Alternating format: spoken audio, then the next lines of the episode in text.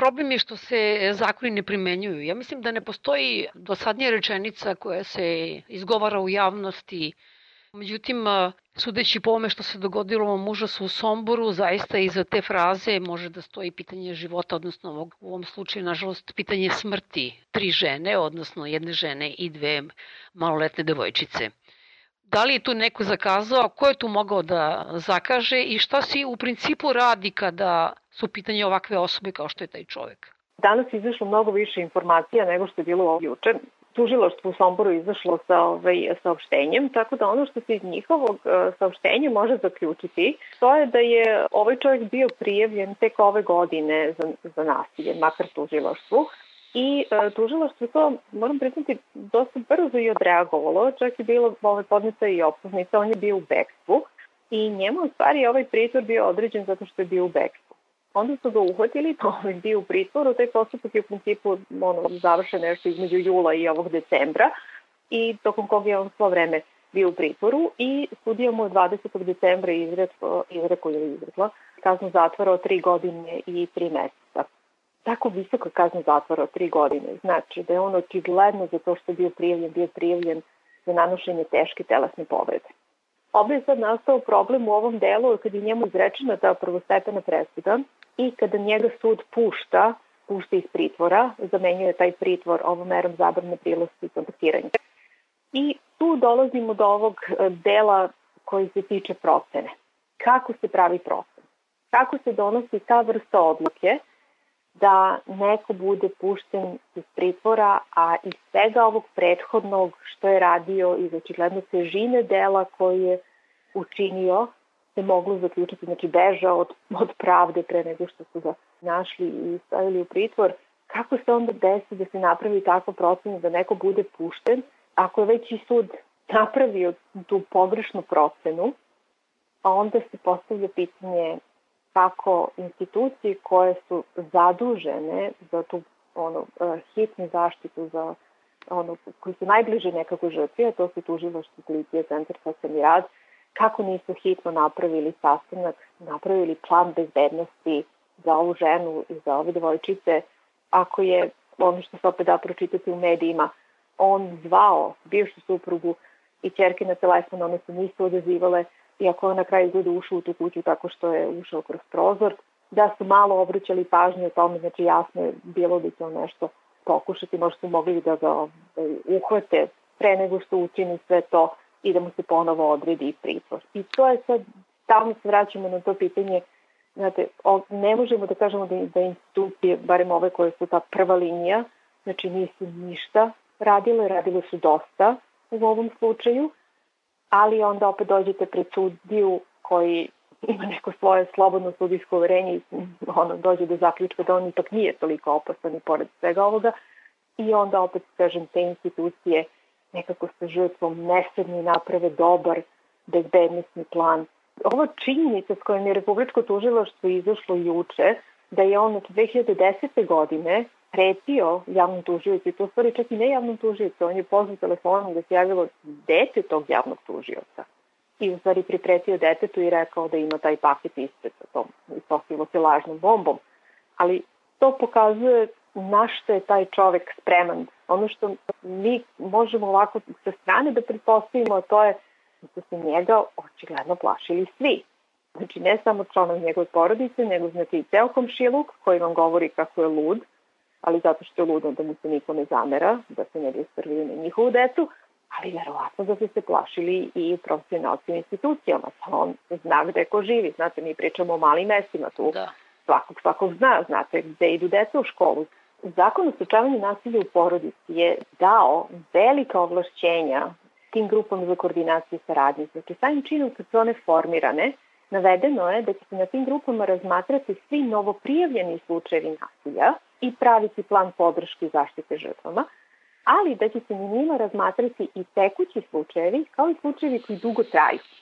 U situaciji kada se ono što je bio plan grupe, a to je, aha, ovaj čovjek je pritvoren, dobit će kaznu zatvora, bit će odmah upućen na izdržavanje kazne zatvora, to je verovatno bila pretpostavka članova grupe, znate, i onda vam sad desi se sudska odluka koja potpuno, znate, poremeti ono sve, čovek se nađe na slobodi, bez ikakvog nadzora i onda je zadatak grupe to da se sastane i da za ovako visoko opasan slučaj, za ovakvog nasilnika za kojim je jasno ono, da će on uraditi ono čime preti, da se onda napravi dobar plan. A ko čini tu grupu za koordinaciju? Članovi grupe za koordinaciju su znači zamenik ili zamenica tužioca u osnovnom tužilaštvu, predstavnik policije, predstavnik centra socijalni rad. I to je ono što mi samo pričamo sa profesionalcima. Znači, jedno je taj plan zaštiti podrške kada je prijavljeno nasilje i naročito kada je prvi put prijavljeno nasilje, pa onda znači, treba ispitati tu ono razne okolnosti.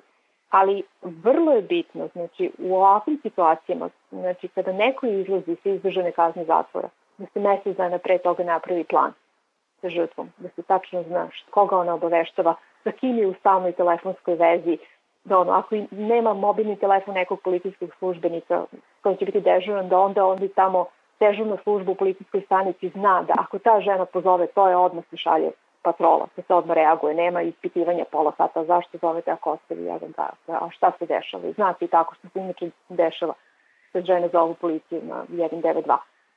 Ovo nije prvi put da se dešavaju ovakve užasne stvari. Da li se ikada završi negde ta interna kontrola i da li se sprovodi da li je bilo propusta ili ne i u kojoj instituciji, da li je to tužilaštvo, sud, centar za socijalni rad ili, ili neko drugi? Mi godinama molimo da se nakon ovakvih slučajeva organizuje znači, sastanak svih institucija na toj lokalnoj samoupravi gde se desilo. Kako bi se upravo to razmotrilo, aha, ko je šta preduzimao i kako bi se videlo šta su to te rupe, to gde nasilnik se provuče i onda se desi ovakav slučaj. Pisale smo jedno vreme, pisale, sad smo već i odustale zato što očigledno da ova država nije zainteresovana da se tako neko telo uspostavi. Ono što smo mi radile, sve da smo pisale u tim situacijama pritužbe zaštitniku građana i molile da zaštitnik građana onda ispita na koji način su institucije postupale. Ono što su ograničenje zaštitnika građana to je zato što oni mogu da ispitaju samo postupanje policije, postupanje centra socijalni rad, zdravstvenih radnika. Zaštitnik građana nema ingerencije da ispitaju postupanje znači tužilaca da ispitanje postupanje sudija. I onda sad opet dolazimo do onoga čak i kada se tako da kažem, i u tim preporukama kada postoje određeni zaključci koji se tiču postupanja tužiloštva i suda i koje zaštitnik građana je upućivao i Republičkom tužiloštvu i Visokom savjetu sudstva znači, ili Vrhovnom sudu, mi ne vidimo znači, da su te institucije nešto onda u, tako da kažem, okviru svojih nadležnosti znate, ono kao sa vrha spustili dole ili napravili neku vrstu sastanka ili bilo što organizovali, možda i jesam, mi prosto nemamo o tome informacije.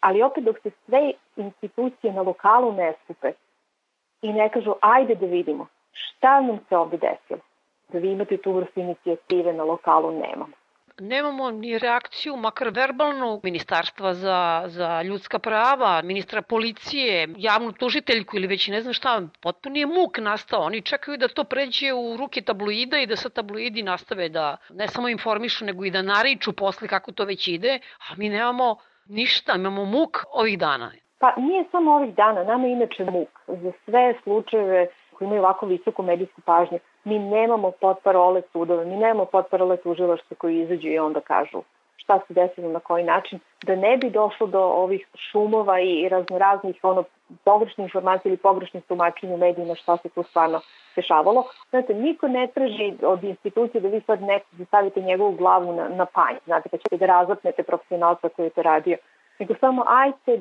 dajte da vidimo gde je greška da se, se sledeći put ispravi više nikad ne ponovi. Jedna od uobičajenih reakcija, ako ih uopšte bude, jeste sad ćemo da pooštrimo kazne. Kao da to rešava stvari. Mi na ovom slučaju vidimo da ovom čoveku nije vredilo da je 15 godina bio u zatvoru, mislim imate utisak da bi se to desilo kad izađe napolje. Jeste. Ono što, što nama nije, nije su problem sankcije toliko koliko je problem ovog nadzora.